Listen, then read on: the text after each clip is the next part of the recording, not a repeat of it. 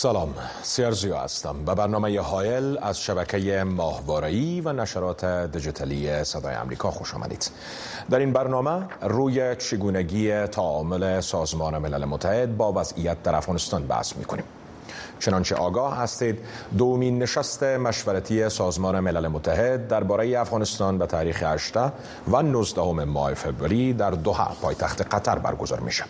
در این نشست نمایندگان ویژه شماری از کشورها برای افغانستان سازمان های بین المللی نمایندگان زنان و نهادهای مدنی حضور خواهند داشت. در میان واکنش در برابر برگزاری این نشست شمار از زنان معترض افغان خواستار تحریم آن شدند. نگرانی مخالفان نشست و دهه امکان مشروعیت بخشیده شدن و طالبان در این نشست است. طالبان گفتند که در این نشست دعوت شدند اما هنوز در مورد اعزام هیئت تصمیم نهایی را نگرفتند. اما سازمان ملل متحد در مورد دعوت شدن نمایندگان طالبان هنوز به گونه رسمی چیزی نگفتند. در این بحث مهمانان ما. مایکل سمپل استاد دانشگاه کوینز از دوبلن در جمهوری ایرلند و مفتی حمدالله سمیم آگاه مسائل سیاسی از کابل از طریق اسکایپ با ما خواهند بود. به هر دویتان خوش آمدید میگم برنامه سی دقیقه است. امیدوار هستم کوتاه صحبت بکنیم و فرصت بر هر کدام شما مساعد شود. سوال اول از آقای سمپل می‌پرسیم. آیا به فکر شما نشست دوحه در واقع راه را برای مشروعیت بخشیدن حکومت طالبان باز می کند یا خیر؟ فکر نمی کردم و قطعا او که اراده از که ملل متحد نیست. اما اونها حتما اراده دارن که یک را به طالبان نشان بدن امرایشان اگر اشتراک کنن مشور کنن که چی کار باید بکنن که مناسبات افغانستان کتی جهان نرمال شود. این کاملا تفاوت داره از که به رسمیت که شناختن. او سوال هم مطرح میشه که آیا طالب حاضر هستن که او شرایط که آدم پیش بینی کرده می‌تونه را قبول کنن یا نه. دستور که اونا قبول کنن نه که مناسبات افغانستان که جامعه جهانی که نرمال میشه نه که امارت اسلامی افغانستان به رسمیت شناخته میشه. تشکر. مفتی صاحب سال دوم مربوط شما میشه. البته جزء اولش امیست آیا فکر می‌کنین که اگر طالبا در نشست دوها اشتراک بکنند به نحو برشان این نشست مشروعیت میبخشه یک آیا اشتراک بکنن یا خیر نظر شما چیست؟ دو فکر می‌کنین طالبا از دعوت ممکن و یا هم اشتراک گروه های مخالفشان در این نشست نگران و حراسمند هستند؟ بسم الله الرحمن الرحیم. تاسو قدرمن مته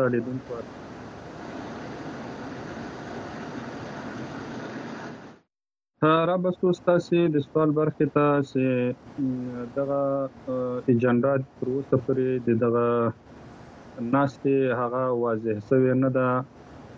او امارت اسلامي هغه په خپل خبرو کې غوښتنه کړې ده چې باید دغه ناستې ایجنډا واضح شي له هغه وروسته به بیا شرکت وکړي نو زما په نظر باندې چې دا د افغانستان په اړه چې څونی ناشې شوې دي هغه تر اوسه دا چې مثبت نتیجه نه ورکړي خو بیا هم دا یو ضرورت نه چې بکیږي خدا چې د دوه ناشته به نتیجه ورکړي کبنه کې وردا به ورسته ورته ګورو. خو یو مهمه خبره په دې کې دا ده تر اوسه د دې ناشته ایجنډا معلومه نه ده چې دا ناشته په څه باره کې بکیږي مهمه ایجنډا دي چې او دوم معلومه نه ده چې دغه ته دعوت کسان څوک ورسل کیږي. مثلا مدني فعالان شو ول دي چې هغه نومان به کوم جنوي نو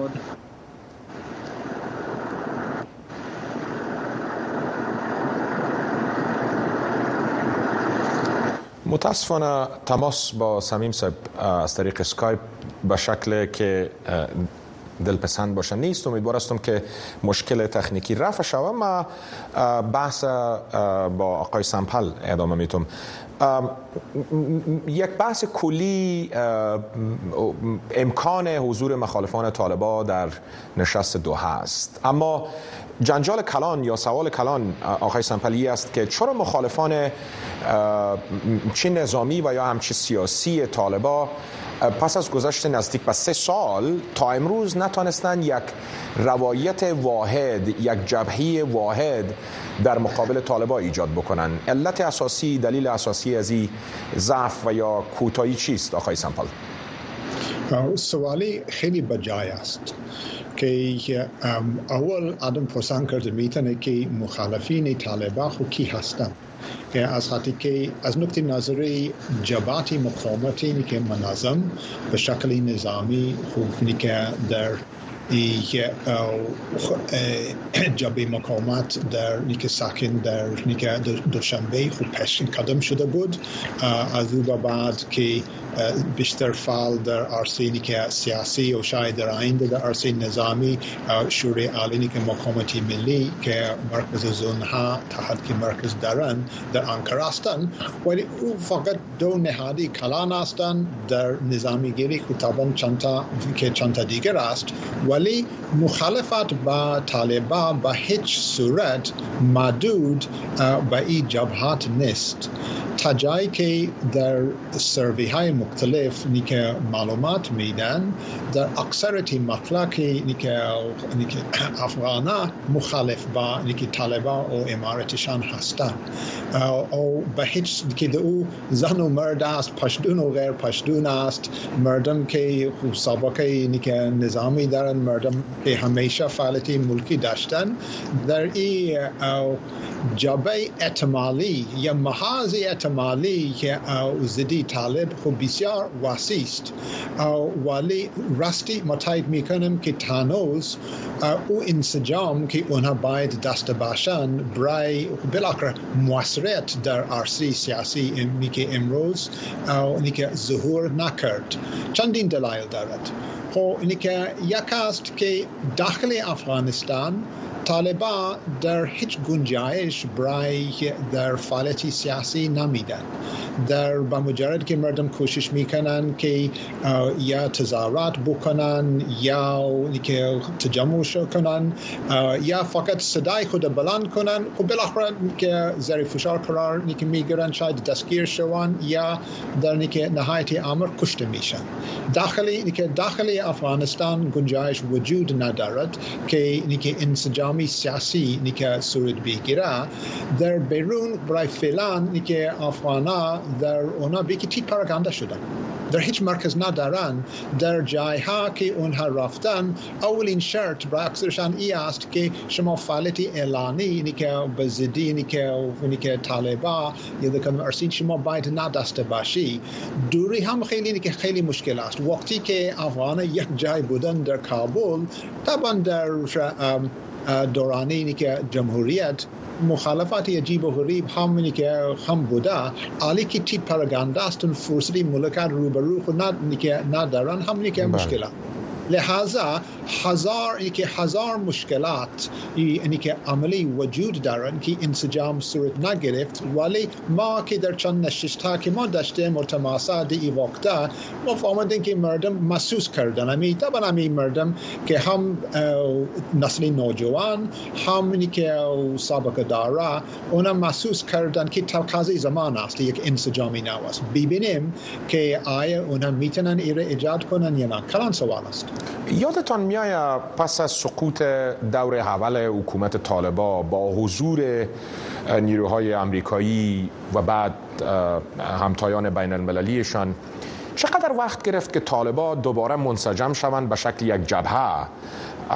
و مقاومت نظامی در مقابل نه تنها حکومت انتخابی افغانستان بلکه در مقابل یک جبهه بزرگتر بین المللی قرار بگیرن اگر مقایسه بکنیم چی باعث شد که طالبا تانستن یک دست به یک شکل مشخص در مقابل یک نظام به مبارزه خود ادامه بتن و در تضاد قرار بگیرن و در نهایت دوباره صاحب قدرت شوند؟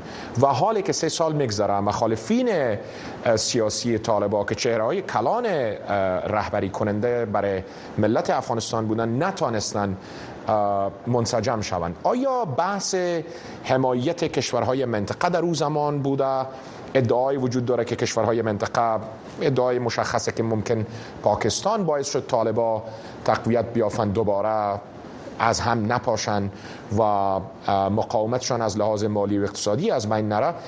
چی, چی باعث شده؟ اگر مقایسه بکنیم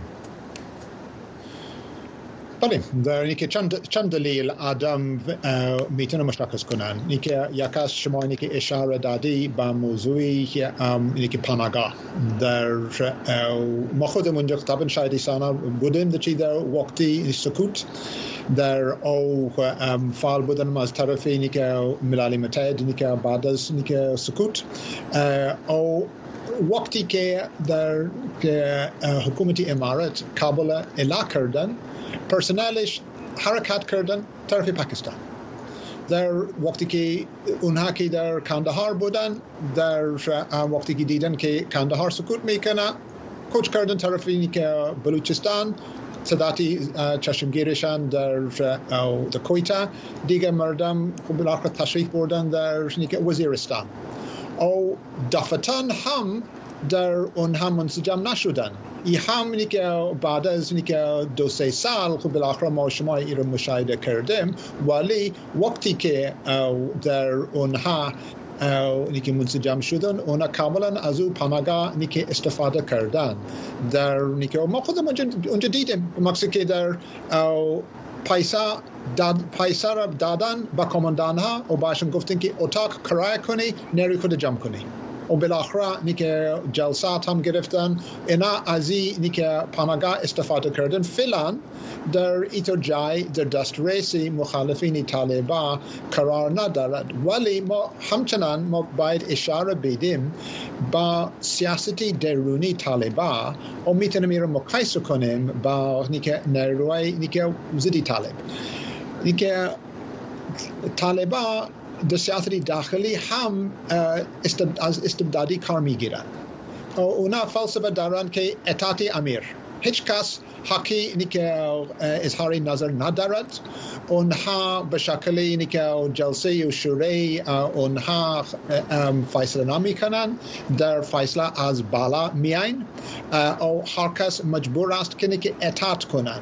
اینها که ضرورت با امی سلام مشوره و چیزا که ندارن او هر وقتی که در یک گروه کوچک که ظهور میکرد که میخواست که انشاب کنن کمی که مشکلات پیدا کرد با با ربری که تاریک او خب بالاخره اونها اول زری فشار قرار گرفتن که خود اصلاح کنند. از او بعد زری حمله.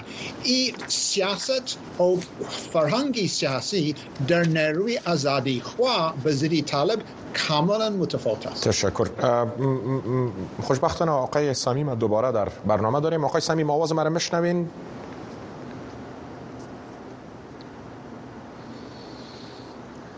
مفتی سب سمیم آواز مرا مشنوین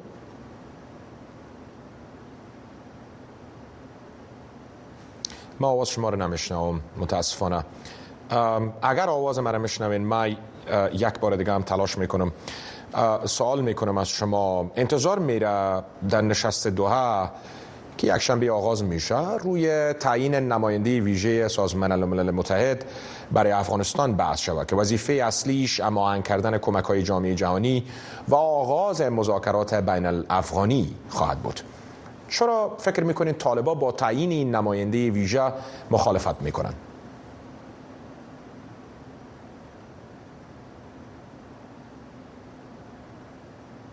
آقای سمیم؟ ما آواز شما رو متاسفانه نمیشنوم.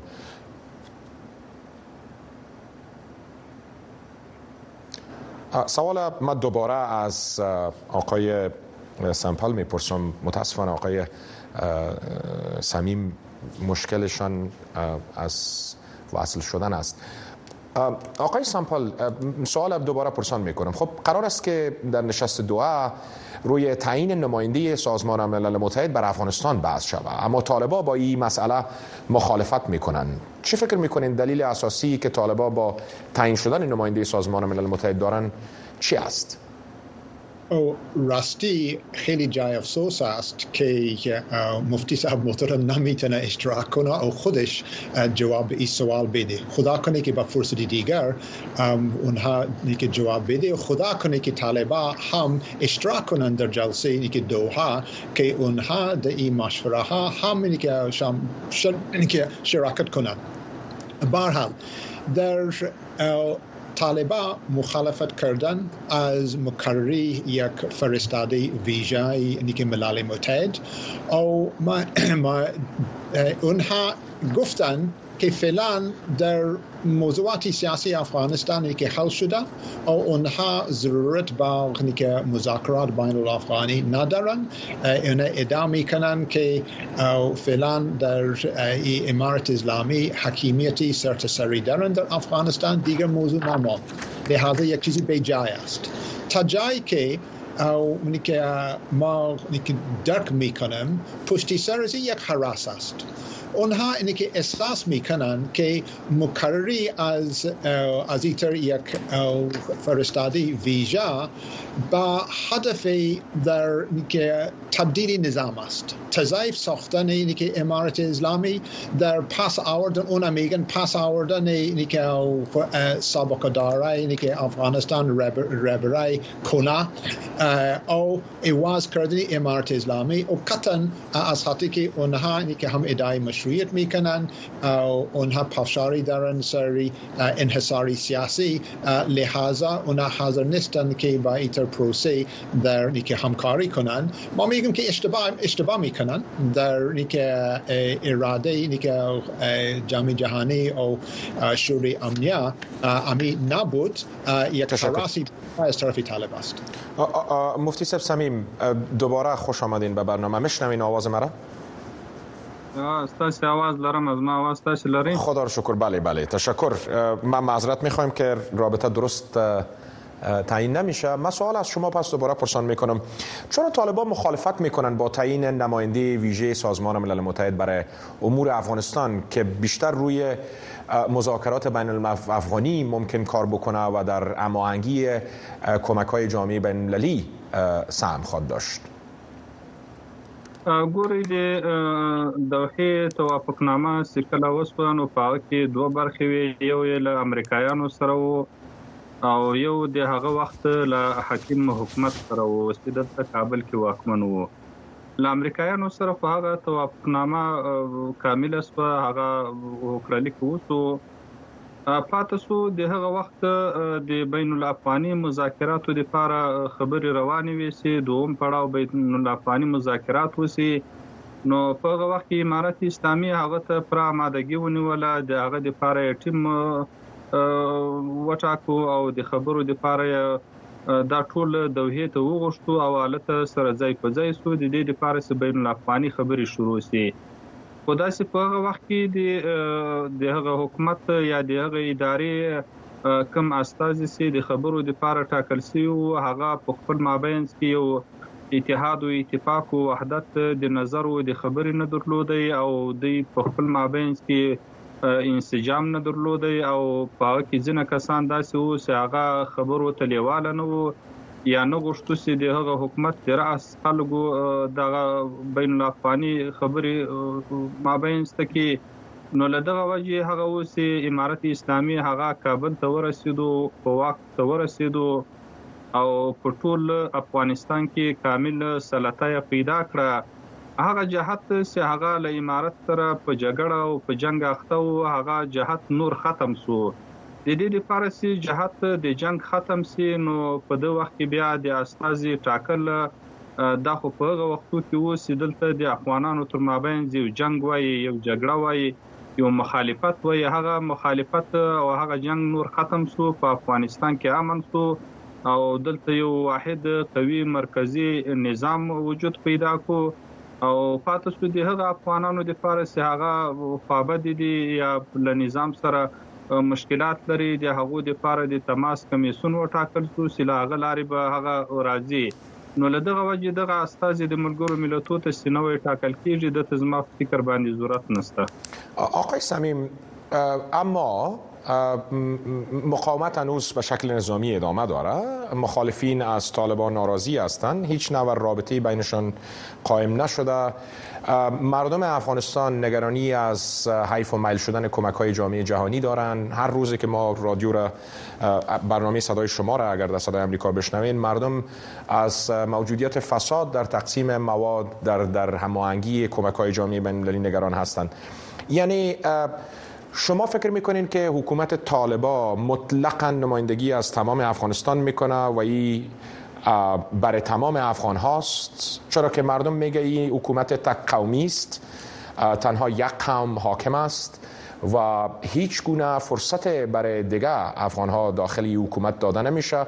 و ویژه کسایی که در حکومت قبلی حضور داشتن تحصیل کردن کار کردن کادر بودن در نظام حاضر بودن اینا هیچ کدامشان برشان فرصت داده نمیشه. یعنی اگر یک نماینده سازمان ملل متحد اینجا نباشه مردم بالای طالبا چگونه اعتماد بکنه ګوري کوم چې د امارت اسلامي حکومت له یو آزاد طرف وګورو د یو مقابل جانب له طرف نه ورته وګورو.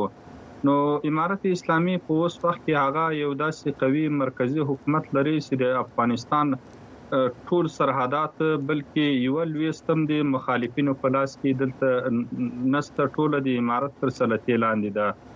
او امارت اسلامي سکل وخت ورسېدو هغه دلته د افغانستان د ولس ملاتړ ځان سره لري لدغه وجه هغه واک ته ورسېدو نو دا مسله نه ده چې دلته ولس مخالفت کې ده. یا خدای نه خواسته د حکومت د یو قوم د ګوري دلته په کابینه کې تاسو د افغانستان د ټولو اخشارو د د د هر سمتو د هر قوم خلک دلته ستا ازارستا پښتونستا ازبکستا تاجکستا دا ټول په کابینه کې وجود لري له شمال خلک ستا له پنځیر خلک ستا له جنوب خلق ستا در, در کجای کابینه آقای سمیم در کجای کابینه؟ بجز, بجز از یک معین در کجای کابینه شما یک پنشیری وزیر دارین؟ در کجای کابینه شما یک تاجک وزیر دارین؟ اگر کسی را می‌شناسین من نمی‌شناسم نامش چیست؟ ګوري دغه مسایل سیدلته امارت اسلامي په عموم کې کومه پالیسی د امارت اسلامي د سمجه مطالعه کوو. پاکي د قوم او د سمت او په دغه باندې د افغانستان ویشلې حالات د 15 کال وو. دا د افغانانو درد نه کودوا بلکې په اوس وخت کې مثلا هغه خلک په واکې دي چې هغه د خلکو واقعي استازولي په لاس کې لري او د خاورې د پاره ازادي ورکړي ده. دلته یو مسله سمجه یاداوري کوو هغه د جبهه مقاومت په نامه باندې دا هغه خلک دي چې په افغانستان کې ښه سابقه نه لري. دلته له هغه ولس خوشاله نه ده او ولس په اوس وخت کې د جنگ حامی نه ده. افغانستان نور له جنگ ستړی ده. نو د دغه ترشا یو څوک نه دی ولاړ نه جامع جهاني لاغو سره کومک کوي او نه دلته په داخل کې دی ځای لري نو د جنگ دقیقاً, دقیقاً آقای سمیم چون ما در آغاز برنامه همراه شما صحبت کردن نتونستیم. از آقای سمپل ما معذرت می‌خوایم. سوال بعدی را از اونها می‌کنم اما تعقیب می‌کنم. همراه شما آقای سمیم شما میگین از جبهه مقاومت حمایت جامعه بین المللی وجود نداره. از طالب کجا وجود داره؟ پاکستان ایران عربستان روسیه چین. هیچ کشوری از طالب هم حمایت نمی‌کنه. مشروعیت برش بخشیده نشده بر رسمیت شناخته نشده. هیچ رابطه‌ای با جامعه جهانی نداره. پس اگر شما میگین جبهه مقاومت مشروعیت نداره چون جامعه بین‌المللی ازش حمایت نمی‌کنه و یا هم مردم؟ پیشتر آقای سمپل بهش اشاره کرد. مردم زیر فشار قرار داره. از استبداد حراس داره. اگر کسی آواز خود در کابل به نام مظاهره بلند بکنه او سرکوب میشه. گزارش های سازمان ملل متحد امروز تحقیق از آزار و اذیت و شکنجه زنای معترض است از دست طالبا. یعنی پس کجای طالب مشروعیت داره؟ اگر رابطش با جامعه بین‌المللی قطع است حتی کشورهای دوست کشورهایی که از طالبا حمایت کردن بر اساس گزارش ها و ادعا اونا اینا را به رسمیت نشناختن. پس شما چطور ادعا می‌کنین که طالب مشروع است ګوري د مشروعیت لپاره کومه هغه لارې ولرو چې اوس امارت اسلامي له تقریبا اتويستو هیوادو سره په اوس وخت کې سفارتونه لري او د هغو استاذ دلی وجود لري د امارت استاذ حالت وجود لري او دا رنګ په تجارتي اړخ کې په اقتصادي اړخ کې او تاسو به څو شپې مخکې اړویدلې چې دلته د سیمې په کچه باندې د هوادو ناستې په افغانستان کې وسوه. نو داسې دا مسله کېږي چې له جامع جهاني سره رابطه نه لري. نو دا له حقیقت لري. دا بل مسله ده چې هلته اوس مثلا رسمیت مسله ده د غرب د فشار لوجه تر اوسه په رسمیت باندې نه دی پیژندل شوی د رسمیت لپاره چې په نړیواله سطح باندې کوم نورمونه یا قوانين دي هغه تر اوسه پرې مکمل موجود دي. نو داسې په رسمیت باندې نه پیژندل کیږي تر دوی تعلق لري سوالی پر رسمیت نپیزنی تشکر. بحث کلان حق دادن به یک قشر بزرگ جامعه افغانستان زن است. نه کار کردن می‌تونن نه تحصیل و تعلیم. این بحث همیشه همراه شما ادامه بکنیم ادامه بدیم چون وقت کوتاه است. من از آقای سمپل پرسان می‌کنم. آیا حکومت طالبان واقعا به مشروعیت داخلی و خارجی نیازمند است؟ آقای سمپل دلیل پرسشی است که سراج الدین حقانی سرپرست وزارت داخلی حکومت افغانستان. چند روز قبل در جریان یک سخنرانیش در ولایت پکتیا گفت که حکومت طالبان نیاز برای مشروعیت بین‌المللی یا به رسمیت شناختن نداره راستی او سخنی که خلیفه سراج که جالب بود.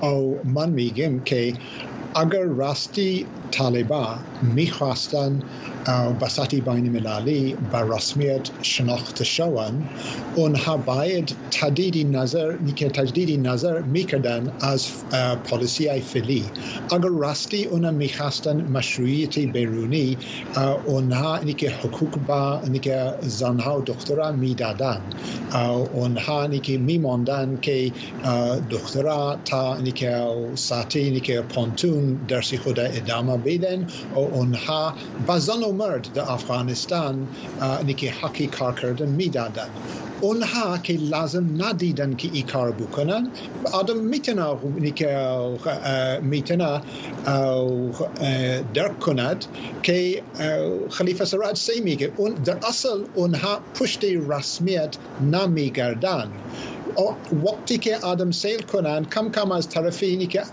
اینی که فرهنگی سیاسیشان فلسفه اونها پشتی مشروعیتی داخلی پیش مردم مراجعه نمی کنند در وقتی که مردم سلاری باشد خب بالاخره که منبع مشروعیت امی خودی ملت است. ولی طالبا خب برای خود یک کسی دیگر داره. اونا ادامه کنن که کاری ما است در که پیاده کردن که نظامی شرعی محمدی. اونا ادامه کنن که در امیر ما که حیبت الله او بالاخره در اصل در اصل او کاری خدا را می‌کنن. اگر شما ایره قبول کنید اونم دیگر به مشروعیت ضرورت ندارن. اگر قبول نکنید شما بالاخره باید بگی که اونم صاحب مشروعیت نیستن. تشکر.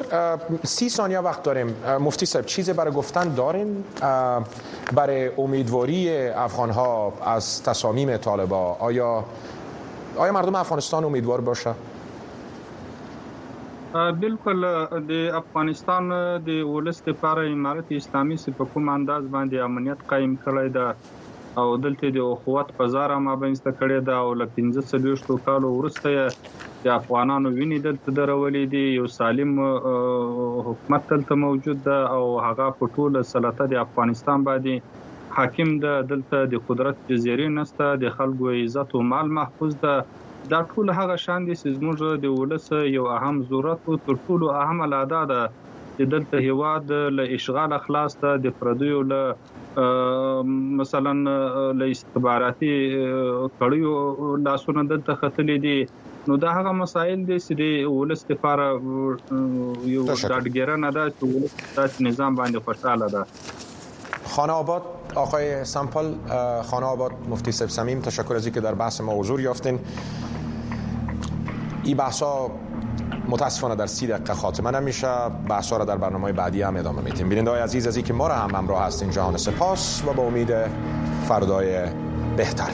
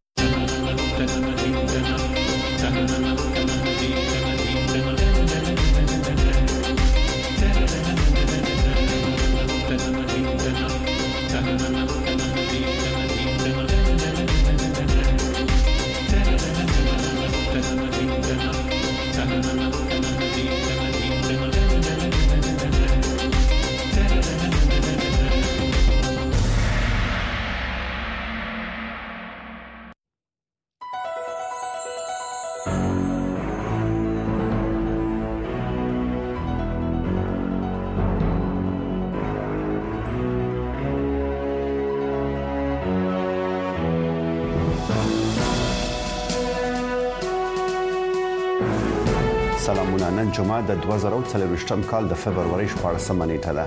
د دیش دقیقو خبرونه ته په خیر اغلاس په دې خبرونه کې د ونی مهم رپورټونه او مرکه خبرو زه وحید فیضی و ما فرخنده پیمانی هستم. امیدوارم هفته خوبی را سپری کرده باشین. اینک با داشتهای این هفته در خدمت شما عزیزان قرار داریم. اما نخست می‌پردازیم به چند خبر. د روسي رسنۍ وایي چې د حکومت مخالف سیاستوال الکسی ناوالني په زندان کې مړ شوی دی. په یمالو نانټس سیمه کې د تازري خدماتو فدرال ادارې څنګه د خبر نن جمعه په یو اعلان کې ورکړی دی. خو دغه معلومات په په پرې ډول نشي تایید کېدای په اعلان کې راغلي محکوم شوی ناوالني تر قدم وهلو د ناروغي احساس وکړ چې سمدلاسه به صد شو. د روسي رسنیو هم د دې اعلان په حواله د خبر ورکړی چې وڅلوي کړه ناوالني سا ورکړی ده. په خپل د الکسی ناوالني ډلې د هغه د مړینې خبر تایید کړی نه دی. د روسي دولتي خبري اژانس د ولسمشر ولادیمیر پوتین د ویان دمیتري پیسکوف په حواله راپور ورکړی چې ویلي دی ولسمشر د ناوالني د مرګ په راپور خبر شوی خو د مړینې د علت په باب رسمي معلومات نه لري اسد قیصر دستیار عمران خان صدر پیشین پاکستان و رهبر حزب تحریک انصاف و روز پنجشنبه گفت که عمر ایوب خان از سوی عمران خان به عنوان نامزد پست صدارت معرفی شده است. قیصر پس از دیدار با امران خان که در زندان به سر می‌برد و خبرنگاران گفت که عمر ایوب نامزد ما برای پست صدارت خواهد بود و او از سوی امران خان به این پست نامزد شده است. در انتخابات سراسری 8 فوریه سال روان میلادی در پاکستان هیچ یک از احزاب عمده سیاسی آن کشور نتوانست برنده اکثریت کرسی های پارلمان شوند. اما نامزدان مستقل همسو با حزب تحریک انصاف پاکستان برنده 92 کرسی پارلمان شدند و بیشترین کرسی های پارلمان را در اختیار دارند از آنجایی که برای تشکیل حکومت به حمایت 169 عضو شورای ملی پاکستان نیاز است نامزدان مستقل حامی عمران خان نیز کرسی های کافی را برای اکثریت ساده به دست نیاوردند حالا تنها احزاب سیاسی رسمی در پاکستان قادر به تشکیل حکومت می باشند. د غزې په جنوبي ښار خان یونس کې تر ټولو ستر روغتون ته لننوتلو وروسته د اسرایل پوځ د جمعې په ورځ فبروري 14 ویل په دغه روغتون کې شل کسان نیولي چې ښايي پر اسرایل د اکتوبر 9 په مرګونی برید کې لاس درلود. په خبر پاڼه کې ویل شوی چې د ناصر په روغتون کې پوځي عملیات لا هم روان دي. د اسرایل پوځ ویلي چې د برید په ترڅ کې د دوی ځواکونو د هوان مرمۍ لاسي بمونه او د حماس اړوند نوري وسلې موندلې دي. د حماس تر کنټرول لاندې د غزې د روغتیا وزارت ویل چې په روغتون د برید له کبله د جنراتورونو برېښنا پرې شوی او 15 ناروغان د اکسیجن د نشتوالي له کبله مړ شوی دي. د څو اونیو راهیسې د جګړې لامل په زورګونو بې ځای شوی فلسطینیانو د ناصر په روغتون کې پناه اخیستې ده. د بې سرحد ډاکټرانو خیریه مؤسسې د پنځشنبه پر ورځ ویل چې په روغتون د توغندیو د لګیدو لامل د دوی کارکونکو مجبور شوي چې وتښتي او ناروغان شاته پرېږدي استیفن دوجارک سخنگوی منشی عمومی ملل متحد می‌گوید که بسیار مهم است که صدای زنان افغان در نشستی که در دوحه پایتخت قطر. میان نمایندگان ویژه کشورها و گروه های جامعه مدنی به شمول زنان برگزار میگردد شنیده شود. دوجاریک روز پنجشنبه در نیویورک به خبرنگاران گفت که آنتونیو گوتریش منشی عمومی سازمان ملل متحد پس از کنفرانس امنیتی مونیخ روز یکشنبه وارد دوحه پایتخت قطر می شود تا دومین نشست نمایندگان ویژه کشورهای عضو و سازمانهای منطقه ای را در مورد افغانستان برگزار کند. قرار است که این نشست روز یکشنبه و دوشنبه هفته پیش رو برگزار شود. دوجارک گفت که در این نشست در مورد چگونگی رویکرد افزایش مشارکت بین المللی و شیوه منسجم هماهنگ و ساختاری یافته از جمله از طریق در نظر گرفتن توصیه های ارزیابی مستقل در مورد افغانستان بحث خواهد شد در همین حال جنبش شنبه های ارغوانی امروز با نشر اعلامیه گفت که طالبان قابل تغییر نیستند و باید از حکومت بدیل این گروه در سطح جهانی حمایت صورت گیرد. د پاکستان د بهرنی چارو وزارت یو ځل بیا ویلي چې دا هیواد په پرلپسې ډول د هغو تروریستي ډلو او افرادو د بریدونو سره مخ دی چې په افغانستان کې خوندي پټنځایونه لري. د پاکستان د بهرنی چارو وزارت ویاندې ممتاز زهرا بلوچ د پنځشنبه په ورځ فبروري 15مه د القاعده د شبکې او د تحریک طالبان پاکستان یا ټي ټي پی ترمنځ د همکاري په تړاو. د ملګرو ملتونو وروستي راپور ته په اړه په اسلام آباد کې د یو خبريال د پوښتنې په جواب کې ویل چې دغه راپور په افغانستان کې د تروریستي ډلو د شتون شتون په اړه د پاکستان دریز تاییدوي. ملګرو ملتونو د امنیت شورا په یو راپور کې چې د 2023م کال د فبروري په میاشت کې خپور شوی ویلي چې طالبانو له القاعده شبکې سره خپل نږدې اړیکې ساتلي او د دغه ډلې یو شمېر جګپړي چارواکي لا هم په افغانستان کې دي. د طالبانو حکومت د پاکستان د بهرنی چارو وزارت د ویاند دغه تازه څرګندونو ته غبرګون نه دی خوده خو د طالبان د حکومت ویان زبی الله مجاهد په یو اعلامیه کې د ملګرو ملتونو د امنیت شورا دا راپور رد کړو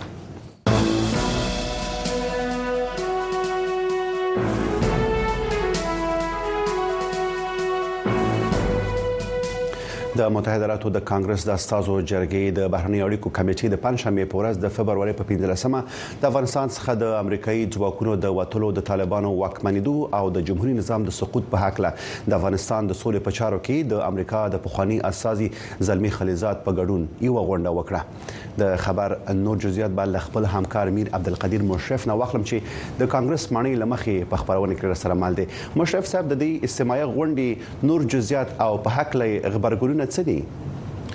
سلام به شما و بینندگان عزیز. مجلس استماعی روز گذشته در کمیته روابط خارجی مجلس نمایندگان امریکا موضوعات مختلف را در خود شاهد بود. از نحوه امضای توافق دوحه تا عملی شدنش پیامدهایش خروج نیروهای امریکایی از افغانستان مشکلات زنا حقوق زنا در افغانستان پس از حاکمیت طالبان در او کشور و حتی سرنوشت او از افغانهایی که پس از خروج به امریکا آمدن و یا هم اقاربشان در داخل افغانستان هستند. توسط اعضای مختلف کمیته روابط خارجی مجلس نمایندگان از آقای خلیزات پرسان شد. زلمه خلیزات در صحبتی که در این کمیته داشت گفت که زمانی که توافق امضا شد و حکومت آقای بایدن به قدرت رسید رئیس جمهور بایدن اداره به رهبری آقای بایدن سه گزینه بیشتر در دست نداشت. یا که باید از این توافق پاپس می‌کشید یا که این توافق قبول می‌کرد تغییرات را ایجاد می‌کرد و یا همی که خروج نیروهای نظامی امریکا را از افغانستان منوط میساخت به توافق سیاسی میان طالبان و حکومت جمهوری در افغانستان. یا که بدون از اینکه به این ارتباط می‌داد نیروها را از افغانستان می‌کشید و یا هم که نیروهای مبارزه با دهشت افغانی را در افغانستان نیروهای امریکایی مبارزه با دهشت افغانی را در افغانستان نگه میداشت. آقای خلیزاد گفت که رئیس جمهور بایدن حراس داشت که اگر از این توافق پا پس بکشه این جنگ دراز مدت بیرونی ایالات متحده بیشتر به درازا می‌کشه. The withdrawal was not conditioned خروج نیروهای نظامی امریکایی مشروط به توافق سیاسی بین دو طرف افغانی نبود. توافقنامه دوحه مبتنی بر شرایط بود و رئیس جمهور بایدن حفظ شمار محدود قوای امریکایی را در افغانستان رد کرد. زیرا حراس داشت که نمر ممکن سبب طولانی شدن جنگ شود. جلسه استماعی امروز در یک لحظه بسیار حساس روند تحقیقات این کمیته در مورد خروج فاجعه بار حکومت بایدن از افغانستان برگزار می شود. ماها پس از آن که رئیس جمهور بایدن تصمیم خروج را اعلام کرد، مشاورین ارشد نظامیش و مقام های استخباراتی حکومت خودش بارها در مورد آسیب هایی که این تصمیم ایجاد می کرد هشدار دادند. در این زمان من و سایر اعضای جمهوری خواه دموکرات کانگرس از رئیس جمهور بایدن خواست تا شرایط توافق نامه دوحه را رعایت کند و از همه مهمتر برای پیامدهای خروجمان از افغانستان آمادگی بگیرد. او نظریات ما و همه را به شمول کارمندان وزارت خارجه امریکا نادیده گرفت. خب زلمه خلیزاد یک باری دیگر مثل سایر مجالس استماعی که داشت رئیس جمهور غنی را مقصر فروپاشی نظام جمهوریت دانست و گفت که فرار رئیس جمهور غنی از افغانستان باعث ایجاد یک صد را در برابر گذار و توافق سیاسی در افغانستان شد. البته تا میل از که من برای شما صحبت می‌کنم رئیس جمهور غنی در این رابطه چیز نگفته ولی در گذشته ما شما شاهد بودیم که آقای غنی در صحبت گفته بود که دستهای متعدد در فروپاشی نظام جمهوریت دخیل است که از او جمله گفته بود که به ویژه زلمه خلیلزاد و عبدالله عبدالله رئیس پیشین شورای مصالحه ملی افغانستان از اینا نام برده بود. زلمه خلیلزاد در زمان البته در پاسخ به صحبت های آقای غنی گفته بود که رئیس جمهور غنی می‌خواهد که بار مسئولیت خود به دوش دیگر پرتن تا میل از که امروز شما صحبت می‌کنم. همیشه ما شما شاهد بودیم که قصر سفید از خروج از نحوه خروج نیروهای نظامی از افغانستان دفاع کرده. روز گذشته جان کربی همان کننده ارتباطات استراتژیک شورای امنیت ملی امریکا باری دیگر گفت که قصر سفید در این رابطه بارها وضاحت داده و ضرورت به وضاحت دادن دوباره نیست. ما در مورد وضعیتی که در زمان روی کار آمدن خود در آن قرار گرفتیم و توافق دوحه که توسط دولت قبلی با آن موافقت شد صحبت کرده و به طور مفصل توضیح داده ایم. با توجه به تصمیمات رئیس جمهور ترامپ در مورد خروج از افغانستان رئیس جمهور با یک انتخاب دشوار مواجه شد خب پیش از اینکه مجلس استماعی برگزار شود کمیته روابط خارجی مجلس نمایندگان امریکا در پاسخ به صدای امریکا گفت که حکومت بایدن بیشتر از آنچه که حکومت ترامپ ملامت دانسته می شد در قبال فروپاشی نظام جمهوریت در افغانستان مقصر است. مشرف صاحب ډیره زیاته مننه له جزئیاتو موږ سره خوشبختانه په خبرونه کې د امریکا د ملي دفاع د پوهنتون استاد علي احمد جلالي صاحب ملما شوی دی چې د کانګرس د استماعي غونډې او د دوهې د راتلونکو غونډې په اړه به وسره بحث وکړو آقای جلالی خیلی خوش آمدین به برنامه تشکر میکنم ډیره زیات مننه جلالي صاحب لکه څنګه چې تاسو هم په جریان کې د کانګرس په استماعي غونډه کې البته د کانګرس د استاد جرګې د بهرنی اړیکو د کمیټې په غونډه کې د امریکا د افغانستان لپاره د امریکا د سولې پخوانی اساسي زلمی خلیزات هم ګډون درلود او پښتني ګرويګنې په دې اړه شوې دي.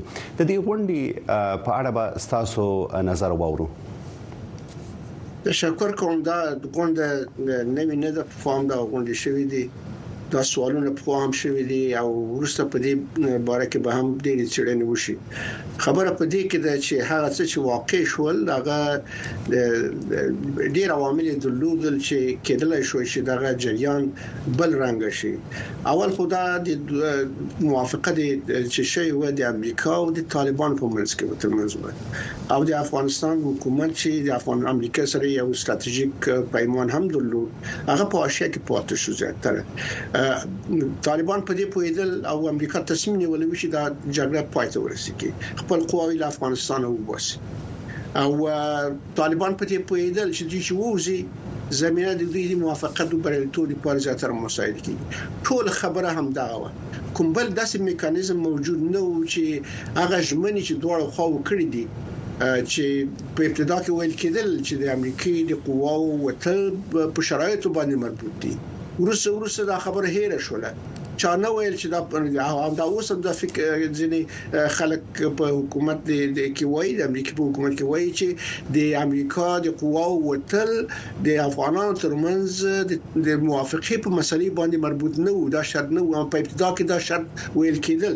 او په همدې اساس باندې د افغانستان حکومت د تلیوال و د خوشبینه و چې د امریکا قواو د وتلو خبره راشینو د وتلو د وتلو مسله به د د افغانستان ترمنځ د حکومت ترمنځ او د طالبان ترمنځ په موافقه پورې مربوط دي. چې موافقه وشي امریکا قوای بل افغانستان وزي دا خبره ونه شوه.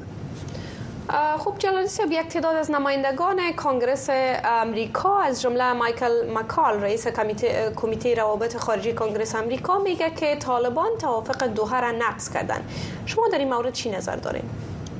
در هیچ شک نیست که طالبا این چرا نقص کردن و مکانیزم موجود نبود که اونا را وادار بسازه که تعهد خود تطبیق بکنن امریکا به تعهد استاده شد قوی خود کشید طالبا تعهد کرده بودن اولی که روابط خود با تمام گروه های تروریستی قطع می‌کنه دومی که با حکومت افغانستان از طریق مذاکرات جدی به یک تفاهم سیاسی می‌رسه د مسئله تفاهم سازی فقط گپ چه میگن وقت خود تیر می‌کردن. هیچ وقت به صورت جدی موافقت میفهمیدن که وقتی که امریکا برای اینا ضرورت به موافقت سیاسی با حکومت افغانستان ندارن می‌تونن که با آسانی قدرت تصاحب بکنن.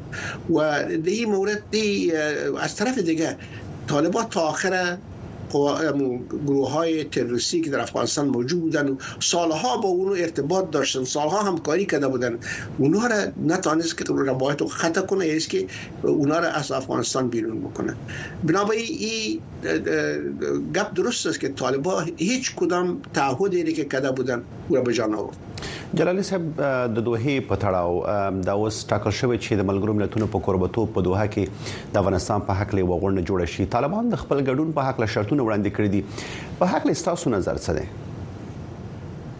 طالبان هغه شرطونه چې وړاندې کړي بنای دا چې قدرت انحصار به دوام وکړي. مګر د ملګرو ملتونو د جلسه چې په دوه کې وکړي د دوه جلسه چې پروسه کالم په اپریل کې دا کوشش وسو هدف دا دی چې اول د هغه هیوادونو ترمنځ چې د طالبان سره تعامل لري یو مشترک پالیسی را رامنځته شي. دا مشترک پالیسی په تیر کال یعنی رامنځته نشول یعنی په دې برخه کوم کوم بریتوب ترلاسه نشو یو دا چې د هیوادونو چې د طالبان سره تعامل لري یو مشترک پالیسی لري کې طالبان د مجبوریږي چې نور خواسته ومني. دوام دا چې د دې لپاره چې د طالبانو او د غیر طالبانو ډلو ترمنځ یو ډیالوګ رامنځته شي او د سره خبري وشي په دې باره کې. طالبان دغه مخالف دي او د دوه کې خبره ده چې دغه کار کوي شي په افغانستان کې ثبات ناراضي او د داسې یو دولت نه راځي نو متکیږي چې هغه بنسټي پراخ وي دریم دا چې په این زمان کې د افغانستان د د پوره یو بنوي کاتالیست رامنځته شي یو یو خاص نماینده رامنځته رامنځته شي چې هغه کولای شي چې د سیمې د منطقې د افغانانو د مختلفو ډلو ترمنځ د د توافق د رامنځته کېدو لپاره یو ډیپلوماسي راغوري کې چې یو نماینده خاص دی. طالبان د دې ټولو مخالف دي. ځکه تر اوسه پورې د نه دي حاضر شوی چې د غیر طالب ډلو سره مذاکره وکړي دوم دا چې د یو ځانګړي نماینده د ملل متحد د غړي نماینده مخالف دي ځکه په دې صورت کې د خپل اهمیت او حیثیت لمنځي یا د صدمه مینی او دریم دا چې په سیمه کې کوشش کوي چې مختلف هیوادو سره جلا جلا روابط وساتي د دې مخالف دي چې یو واحد پالیسی په دنیا کې رامنځته شي چې چې هغه په دوی باندې د فشار راولي چې د قدرت له انسان تیر شي او په افغانستان کې د ټولو افغانانو په شمول باندې یو دولت رامنځته کړي. بله. خب اگر طالبان در این نشست که در دوحه قرار است برگزار شود اشتراک نکنند چی تاثیر بر این نشست خواهد داشت؟ البته تا, تا امروز مسئله شناخت بین ملی و تعذیرات بین ملی دو وسیله بود که فکر می‌شد که طالبان را مجبور می‌سازه که اینا تمکین بکن به خواسته های مردم افغانستان و خواسته های بین ملی. تا نه تعذیرات در پالیسی طالبان تغییر آورده و نه تهدید شناخت بین ملی. اینا رو وادار به کده که پالیسی خود تبدیل بکنن. در نتیجه مربوط به این میشه که کشورهای مختلف فعلا با طالبان تعاملی که دارن اگه تعامل به صورت جدا جدا به اساس منافع ملی هم کشورها دوام بکنه. طالبان فکر می‌کنه که اونا به شناخت بین المللی شاید چند ضرورت نخواد داشتن بنابراین وا با تقریبا 18 کشوری روابط دیپلماتیک هم دارن آله روابط اقتصادی و تجارتی هم دارن. و در عین زمان تهدیدی از داخل افغانستان و خارج افغانستان هم متوجهشان نیست فعلا. بنابراین به این صورت اونا فکر می‌کنن که این نه نماینده خاص ملل متحد قبول خواد کردن و نه ای که بین با گروه های غیر طالب گروه های افغانی غیر طالب به مذاکره تنها تا جلال صاحب تاسو د پالیسیو بدلون ته هم اشاره وکړئ طالبانو پالیسي کې بدلون نه راغلی په تیر دوه نیمو کلونو کې په افغانستان کې طالبانو نور سیاسي اړخونو ترمن سیاسي هوکړه رامنځته نشوله آیا د دوه غونډه به وکولای شي چې د افغانستان سیاسي کړکېچ د حل لار پیدا کړي کوشش روان دی د تلاش روان او هغه درې شرط لري. اول دا چې د سینې هوادونه یو داسې واحده پالیسی اختیار کړي چې هغه طالبان مجبور کړي چې په ځینو غوښتنو ته ځواب وایي. دوم دا چې طالبان په خپل حاضر شي دیته چې د نورو ډلو سره خبري وکړي. او درېم دا چې دوی ډلې څوک دي نور ډلې کولای شي په یو غږ وغږي په یو غږ باندې خپل غږ پورته کړي په یو اواز باندې د افغانستان سره د طالبان سره د مذاکرې په برخه کې اقدام وکړي او کله ډلې ډلې موجودې وي څو چې واحد یعنی جبر امنځ نشي دا هم یو ستونزه ده چې طالبان نو سره چا سره خبري وکړي د امریکا د ملي دفاع پوهنتون استاد علي احمد جلالي صاحب ډیره زیاته مننه چې په دې بحث کې لموږ سره مو ګډون وکړ خپل نظر مو وړاندې کړ. یک جان سپاس از حضورتان با برنامه. امریکا یو له هغه هیوادونو څخه چې د نړۍ له ګوټ ګوټ څخه د بیلا بیلو کلتورونو دودونو ملیتونو او ارزښتونو دی په امریکا کې ژوند او دلته مهاجرت کول لکه د نورو هیوادونو په څیر خپلې ښېګڼې او سختۍ لري. ځینې خلک په خپل هڅو او له فرصتونو په ګټه اخیستو خپل هیلو ته رسیدي خو ځینې نور بیا له ستونزو سره مخ کیږي. ژوند په امریکا کې هر جمعه د افغانستان په وخت د مازیګر ل شپږونه تر شپږ نیمو بجو او د ختیځ امریکا په وخت د سهار له نه نیمو تر لسو بجو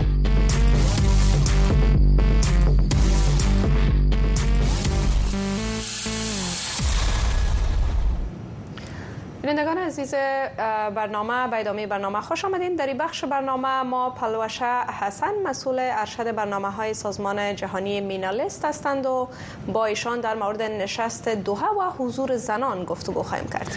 مرمن حسن خبرون ته بخیر اغلی شکر مهربانی تاسو خانم حسن قرار است نشست به میزبانی سازمان ملل متحد در مورد افغانستان در دوحه برگزار شود نظر شما در مورد از این نشست و در کل اشتراک کنندگان از چی است؟ این برنامه مثل که می‌فهمیم بار دوم است که در دوها ترتیب میشه سال گذشته. نماینده های خاصی کشورهای مختلف بر افغانستان یک جا شدن در دوها با دعوت سرمنشی ملل متحد. و این بار دوم است در این جریان یک راپور خاص مثل که شما خبر دارین توسط کوردینیتر خاص در مورد وضعیت افغانستان پیشنهاد شد و در اثر از این راپور بحث پیشنهادات به شورای امنیت داده شد که از جمله مقرری نماینده ویژه به خاطر افغانستان است. و یک گفتمانی که به اصطلاح زمینه یک حکومت فراخ بنیاد در افغانستان مساعد بسازه و همچنین از همگی قدم مهمتر سر مسائل حقوق بشری و حقوق زنان تاکید کرد بل مرمن حسن ملګری ملتونه وایي چې دا ډیره مهمه ده چې په دې غونډه کې د مرمنو غږ واوریدل شي لدې غونډې تاسو تمه څه ده دا غونډه ډیره مهمه ده زه فکر کوم چې د افغانستان مسله د دنیا په سطح باندې یو څه خستګي خواته روانه ده یعنی دنیا دومره زیاته توجه نه لري مشکلات په دنیا کې نور هم راپورته شوي دي د غزې مسله ده د اوکرين مسله ده نور مسایل دي زه فکر کوم د افغانستان د بینالمللي توجه لپاره دغه ډیره یو محرقي او ډیره مهمه جلسه ده او په دومره کچه باندې جوړیږي زه فکر کوم چې افغانان باید نه پورا استفاده وکړي. ترڅو پورې هغه مسایل چې په افغانستان کې وجود لري او مخصوصا بشري حقوقو حقوقو مسایل چې د خزو په اړوند دي د دې لپاره یو لوی فرصت ده. اما دا هغه وخت برابرېدای شي چې د خزو پوره ګډون پکې وي تر اوسه پورې خزو سره ځینې کنسلټیشنونه یا مشاورتونه روان دي خو تر دا خبره نه ده سوي چې څوک کسا سره کم به دوی اشتراک وکړي په دې جلسه کې ځکه چې دا مهمه ده چې خزي خپل مسایل په خپل وړاندې کې ام جلسې ته هم طالبانو ته صحیح خب خانم حسن سرپرست وزارت خارجه طالبان شرط های حکومت گروه را بر اشتراک در نشست ملل متحد درباره افغانستان در دوحه اعلام کرده. و گفته که اگر این شرط ها پذیرفته نشه هیئت این گروه در این نشست اشتراک نخواد کن نخواد بکنه. فکر نمی کنین که این نشست و این شرایط هایی که طالبان در اشتراک برای نشست گذاشتن بر نشست دوحه تاثیر منفی بگذاره؟ ما فکر می‌کنم که با وجود طالبا اور بدون وجود طالبا دنیا بین‌المللی یک موقعیت واحد در مقابل افغانستان اختیار خواهد کنه. اگر طالبا اشتراک نکنه در واقع اونا فرصت خود از دست میتن به خاطر که مدت بیشتر از دو سال است طالبا حکومتش از طرف جامعه جهانی شناخته نشده. اما یک دورنگی در قسمت روابط امرای طالبا توسط کشورهای مختلف فعلا جریان است. می‌فهمین که مثلا چین سفیرشان قبول کرده یا اما هیچ کشور تا حکومت طالبان را نشناخته یک فرصت بسیار بزرگ و هم به خاطر خاطر خود طالبان هم است. به خاطر که یک راهی که به اصطلاح قابل قبول به سایر افغان و طالبان باشه میتونه که به اصطلاح استپ اول قدم اولش از همین جنها شود. مرمن حسن یو بل مسله چې طالبان افغانستان لپاره د ملګرو ملتونو د ځانګړي استاذ له ټاکلو سره مخالفت خوده لدی فکر کوي د ځانګړي استاذ ټاکل ته اړتیا لیدل کیږي 嗯 استازي په گذشته کې هم ځینې خلک د باندې انتقاد کوي چې په گذشته کې ځانګړي استازو کوم خاص هغه ونه کړ خو د ما په نظر باندې مهمه ده ځکه چې دغه مسلې ته لږ خاصه توجه وسی علاوه د تر دې چې د یوناما دفتر به هم وجود لري. اما تر اوسه پورې د یوناما دفتر هغه سیاسي لحاظ نه دومره تاثیرګذاري یا د حقوق بشر لحاظ نه دومره زیاته خاصه تاثیرګذاري نه درلودله نو د خاص استازي وجود کچیرته د هغه حمایت بین المللي ټولنې لخوانه په متحده ډول باندې ورکړل سي. دا یقینا یو مهم پوزیشن دا او دا باید موږ مقایسه نکړو له گذشته سره. صحیح خب بسیاری از مردم افغانستان البته به این نظر هستند که گفتگوهای بین الافغانی برای حل بحران سیاسی در افغانستان باید صورت بگیره به نظر شما آیا واقعا نیاز به آغاز چنین گفتگوهای وجود داره؟